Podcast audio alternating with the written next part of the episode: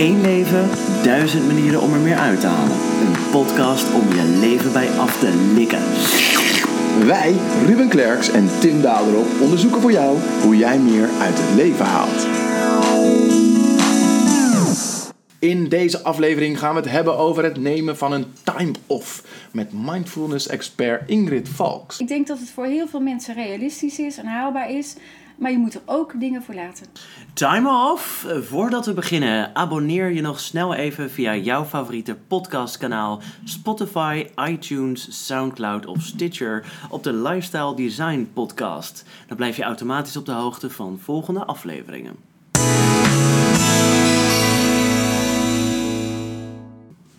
Yes, we gaan het hebben over time-offs en waarom je die vaker zou moeten nemen.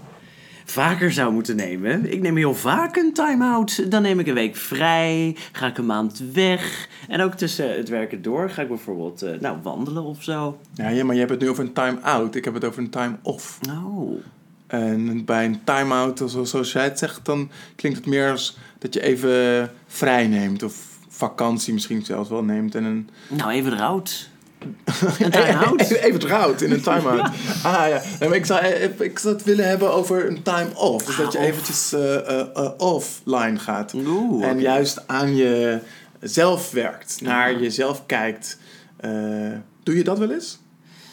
Ehm, ja, niet heel bewust van zo en nu neem ik een time off om aan mijzelf te werken.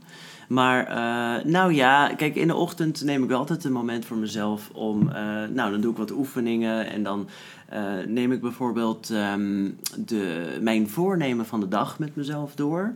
Dus dat zijn wat fysieke en mentale dingetjes, zeg maar, waarmee ik aan mezelf werk. En ehm, ik ken ook wel een beetje zelftherapeutische schrijfmomentjes waarop ik mijn gedachten probeer te verhelderen, zodat ik die kan omzetten in plannen of inzichten. Dus dat wel, ja. En jij? Ik ben heel erg van het, van het blokken van tijd. Dus ik heb echt twee momenten op een dag waarin ik tijd voor mezelf inplan. Eh, s ochtends inderdaad ook, wat je, wat je ook zegt. Dan eh, eh, ga ik of sporten of yoga en probeer ik te mediteren. En in de middag, eh, meestal zo rond de uur vier, staat altijd in mijn agenda een uur ge- geblokt om ook even tijd voor mezelf te nemen. Maar ik moet eerlijk bekennen dat dat uur nou, vrijwel altijd ten onder gaat aan, aan andere dingen. Dat, dat, dat, dat schiet er toch wel vaak bij in. Terwijl dat juist misschien het moment zou zijn dat ik even niet iets voor anderen doe en gewoon voor, mezelf, met mezelf bezig zou kunnen zijn. Ik zou dat wel meer willen doen. Ja, ik wilde al vragen inderdaad, hoe vaak komt het er dan ook echt van dat je dan aan jezelf eh, toekomt? Dus je zet jezelf op de laatste plek, Ruben. Ja, ah, ja, nu je het zo zegt. Oh, wat een deprimerende doen, aflevering is ja. dit. Ja, en straks weer, want het is nu eh, half drie. We zijn hier nog wel eventjes, dus dat Ja. gaat straks weer gebeuren, denk ik. Ja, dat eh, eigenlijk heb ik al gezien in mijn agenda dat ik eh, alweer iets anders daaroverheen heb ingepland. Ja, Ja. dus, ja, dus in, in, in die zin klopt het eigenlijk wel gewoon wat je zegt, dat je dan jezelf op een latere plaats zet dan eh, die opdrachtgever eh, of die klus die je af wil krijgen. Ja. Hé, maar het gevolg daarvan, eh, is het, gebeurt het niet vaak dat het dan even allemaal te veel wordt? Als je, niet, als je te weinig aan jezelf toekomt? Hoe, hoe Mm. ervaar jij dat? Ja, de, de reden dat ik het ben gaan inplannen was inderdaad dat ik dan aan het eind van de dag dat het me soms wel inderdaad te veel kan zijn. Helemaal sinds ik kinderen heb en je dan thuis komt. Vroeger was dan dat thuiskommoment was mijn rustmoment. Hmm. Maar nu dan kom ik thuis en dan weer in een, in een Papa, andere... papa, ja, papa, papa! ja, en dan meestal tref je je kinderen ook natuurlijk nog op het minst goede moment op een dag, want zij zijn ook moe. Ja, Ehm, dus daarvan merkte ik... En toen ik vroeger nog voor een werkgever werkte... ehm, zat ik veel in de auto. Dus dan had ik echt in de auto mijn, mijn eigen moment. Dat ik gewoon drie kwartier in de auto. Dan kon ik daar even eh, rustig tot, tot mezelf komen. Oh ja. En omdat ik dat toen miste... Toen ben ik dat uurtje aan het eind van de dag gaan inplannen. Om in ieder geval te voorkomen dat ik van het ene werk naar het andere werk... Of nou, klinkt een beetje stuf, maar van, van, van de ene drukte naar de andere drukte. vader zijn is ook een fulltime Ja, baan. Precies, ja. Eh, hu- huisman, zwaarder dan je denkt. Ehm, nee, dus daarom ben ik het gaan, gaan, inplannen. Maar dus op het moment dat het niet gebeurt, dan, dan komt er wel eens la- later op de avond een moment dat ik dan echt even gewoon niets moet doen. En, en dat zoek ik dan wel weer bijvoorbeeld meer op door bewust eh, andere afleidingen af te sluiten. Dus ik kijk geen tv meer eigenlijk als het even lukt, eh, s s'avonds. En dan ga ik dan wel rustig even zelf zitten. Oh, oké, oké. Nou, volgens mij heb jij iemand eh, gesproken die hier nog veel meer interessante dingen over kan vertellen. Ja, want je kan een time-off op heel veel verschillende manieren nemen. Maar ik sprak dus met Ingrid Valks. eh, en zij heeft ook een hele bijzondere manier van naar eh, time-offs inrichten. Ingrid is eh, succesvol geweest als communicatiedirecteur en ondernemer. En heeft zich daarna gespecialiseerd in mindfulness, yoga en meditatie. En vanaf de dag dat ze begon met werken, nam ze al de tijd om regelmatig op te laden. Elke dag 10 minuten, elke week een uur, elk jaar een week en elke zeven jaar een jaar. Ingrid weet dus uit eigen ervaring wat de kracht van het nemen van een time-off kan zijn.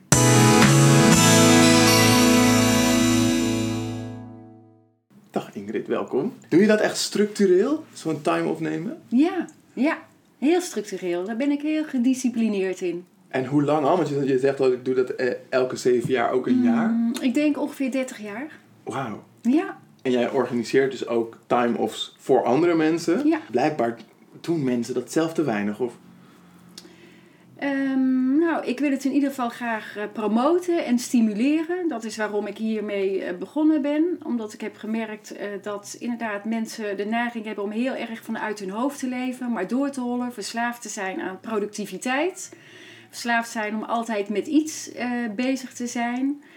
En eh, dat er allerlei uitdagingen zijn in deze 21ste eeuw. ehm, nou, waar je best wel even bij stil mag staan van hoe je daar eh, het hoofd boven water Ja. houdt. En eh, heldere geest en een gezond lichaam blijft houden. Ja, als ik het zo zie, dan, dan lijken er helemaal niet zoveel mensen te zijn die er zo bewust mee bezig zijn.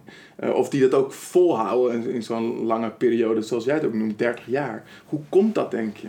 Nou, misschien is inderdaad wel eh de belangrijkste rol, belangrijkste to-do om je bewustzijn te vergroten. Ja. En we hebben natuurlijk, wat we wel allemaal herkennen, is dat er heel veel mensen in een burn-out raken. Dat heel veel mensen, nou, eigenlijk zo'n beetje wel alles of heel veel hebben en toch niet helemaal gelukkig zijn.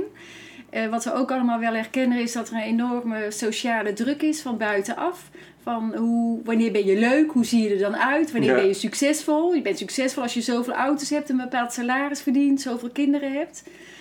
Eh, Maar dat is natuurlijk allemaal de buitenkant. Het heeft eh, niks te maken met of je eh, connectie hebt met je hart en of je leeft vanuit je hart, waardoor je dus echt gelukkig bent. Ja. En dus dat wat ook een enorme impact heeft op je gezondheid en je vitaliteit. En hoe, en hoe kom je daar dan wel toe tijdens een time-off? Ik, ik weet van mezelf dat als ik bijvoorbeeld ehm, eh, vroeger op vakantie ging.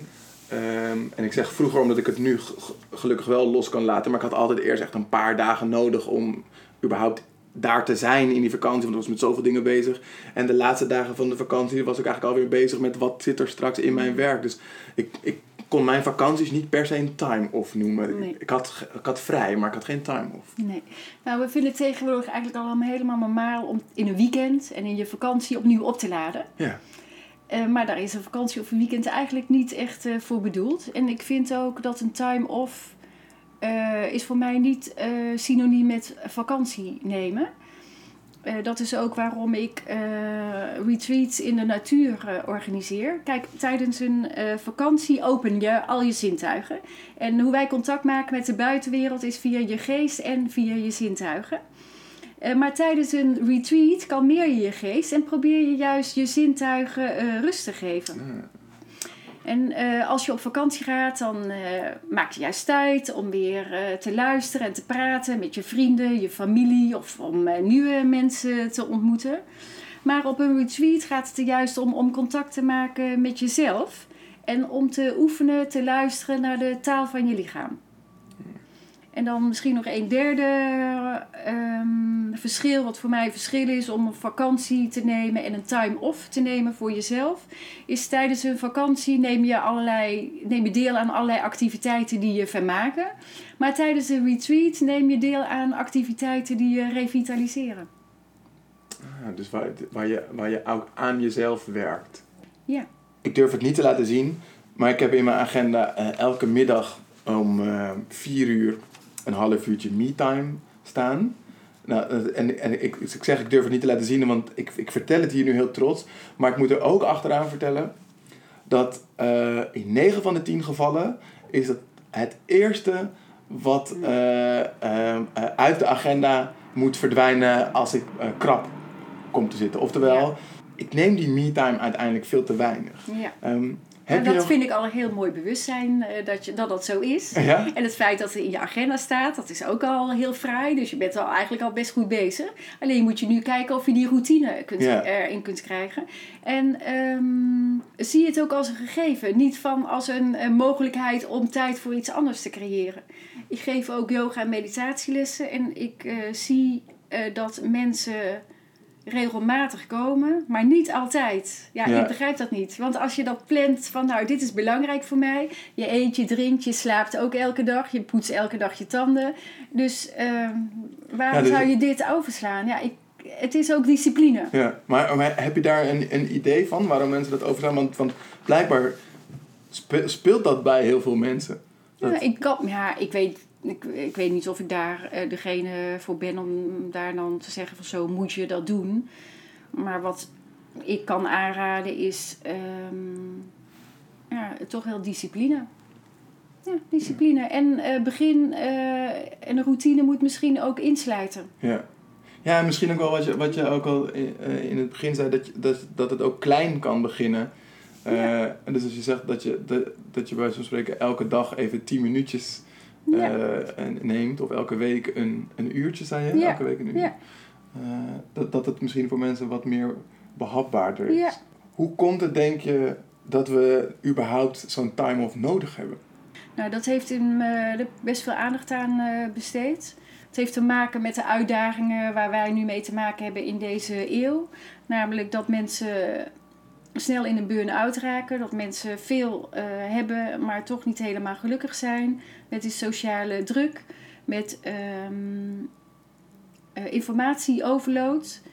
En maar ook met eh, enorme vaart van de technologische ontwikkelingen. Ja. Ja, want alles wat repeterende taak is, kan worden geautomatiseerd. En wat gaan wij dan doen? Ik denk dat zingeving heel erg belangrijk is. Dat ik inderdaad ook zie dat mensen het ontbreekt aan zingeving. Misschien is daarom time off al belangrijk om te nemen. Om na te denken van waar word ik blij van? Waar ga ik van bloeien? Wat is voor mij zingeving? Hoe kan ik dat invullen in je leven? En eh, wat ik, een ander onderwerp met die repeterende taken die geautomatiseerd worden. Eh, wat gaan wij dan doen op ons werk? Eh, koppel ik niet meteen aan zingeving, maar wel aan eh, hoe kunnen wij waarde toevoegen ehm, in een organisatie. En daarvoor, eh, zoals ik dat zie, zullen we als mensen meer sociaal-emotionele vaardigheden moeten ontwikkelen. Eh, want dat zijn eh, vaardigheden die niet zo snel geautomatiseerd zullen worden. Ja, zo ja. ja. Dus je zou eigenlijk ook kunnen zeggen dat het voor werkgevers ook van belang is dat hun werknemers dat doen, omdat ze daarmee ook later weer van meer waarde kunnen zijn Ja. voor de organisatie. Zeker, Ja, ja, zeker. Nou, als je het hebt over zo'n, over zo'n time-off die, je die je dagelijks of wekelijks of misschien wel maandelijks neemt, dat, dat klinkt nog best wel binnen eh, bereik voor mensen. Ehm, ja, maar, maar als ik jou hoor over hè, dat, je, dat je één keer in de zeven jaar een jaar een time-off neemt, Ja. dan, dan, dan hoor ik ook wel eh, iets in van, ja, dat klinkt ook wel bijna als een, als een luxe. Denk je misschien niet ook wel dat we ons in een bevoorrechte situatie bevinden eh, als je überhaupt een jaar een time-off kan nemen? Ja, ik zal niet tegenspreken dat het eh, voor iedereen eh, weggelegd is. Maar ik denk wel, of ik ben ervan overtuigd, durf ik wel te zeggen, dat het voor heel veel mensen wel weggelegd is. Ja. En de eerste keer dat ik deed, ehm, nou had ik heel, heel weinig geld op de bank staan. Echt niet dat je dacht, nou ik ga eens even een jaartje op reis. Of Nee. een, een week, een, ja, een jaar op reis of een jaar ertussenuit. Maar voor mij is het altijd een kwestie van keuzes maken Ja. geweest. Maar hoe heb je dat toen, toen, toen die eerste keer Nou, dan heb ik mijn auto verkocht en Ja. mijn huis verhuurd. En dat heb ik wel vaker gedaan. En dat was allemaal vanuit de bewuste keuze van ik wil gewoon een Ja, jaar even... Ja, ik heb het gedaan toen ik net begon met werk. Heb ik mijn huis verhuurd, mijn auto verkocht. Zodat ik echt helemaal geen kosten meer had. Dat ik flink kon sparen. En eh, toen ben ik met een laag budget, heel low budget... eh, de wereld rond gegaan. Maar later, toen ik eh, gewoon een mooie auto had en eh, een leuk huis, heb ik ook mijn huis eh, verhuurd en mijn auto verkocht. En heb ik gespaard daarvoor en Hm, Nou. ging ik ten Apenreis. Het klinkt ook bijna, behalve eventjes een time-off, ook bijna als een soort van reset. Die, ja, die zeker. Ja, zeker een reset. Ehm, een reset to take control of your life. Zo zou ik eh, het noemen. Nee, echt. Mooi. Ja. Mooi. Nee, ik denk dat het voor heel veel mensen realistisch is en haalbaar is.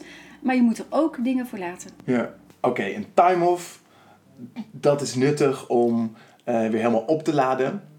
Wat kunnen we doen tijdens zo'n time-off?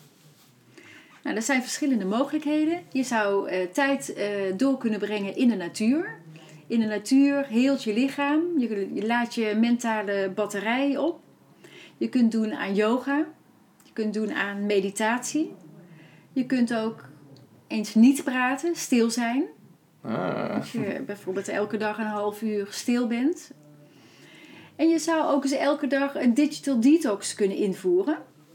En je zou kunnen beslissen om bijvoorbeeld elke dag tijdens het eten je al je digital apparaten uit te zetten. Oké, cool. En het klinkt ook al wel als dingen die we inderdaad ook direct al kunnen doen. Dit, dit kunnen we elke dag of elke week al inplannen. Ja, zeker. Gaaf. En is het dan ook zo dat het dan in een grotere vorm ehm, ehm, eh, ook uit te voeren is? Ik ken wel mensen bijvoorbeeld die eh, dan inderdaad eh, een weekend lang op een retreat gaan waar ze helemaal niet met elkaar praten. Dat, Ja. is eigenlijk, dat komt daaruit voort. Ja, al deze elementen kun je eh, ook gedurende een langere tijd doen. En Tijdens bijvoorbeeld een heel weekend of een hele week. En dat je dan eh, een hele week niet praat, de hele week niet. eh, nou, je neemt de hele week een digital detox. Je brengt de hele week door eh, in de natuur. En dan kun je een soort van bos- of natuurbaden.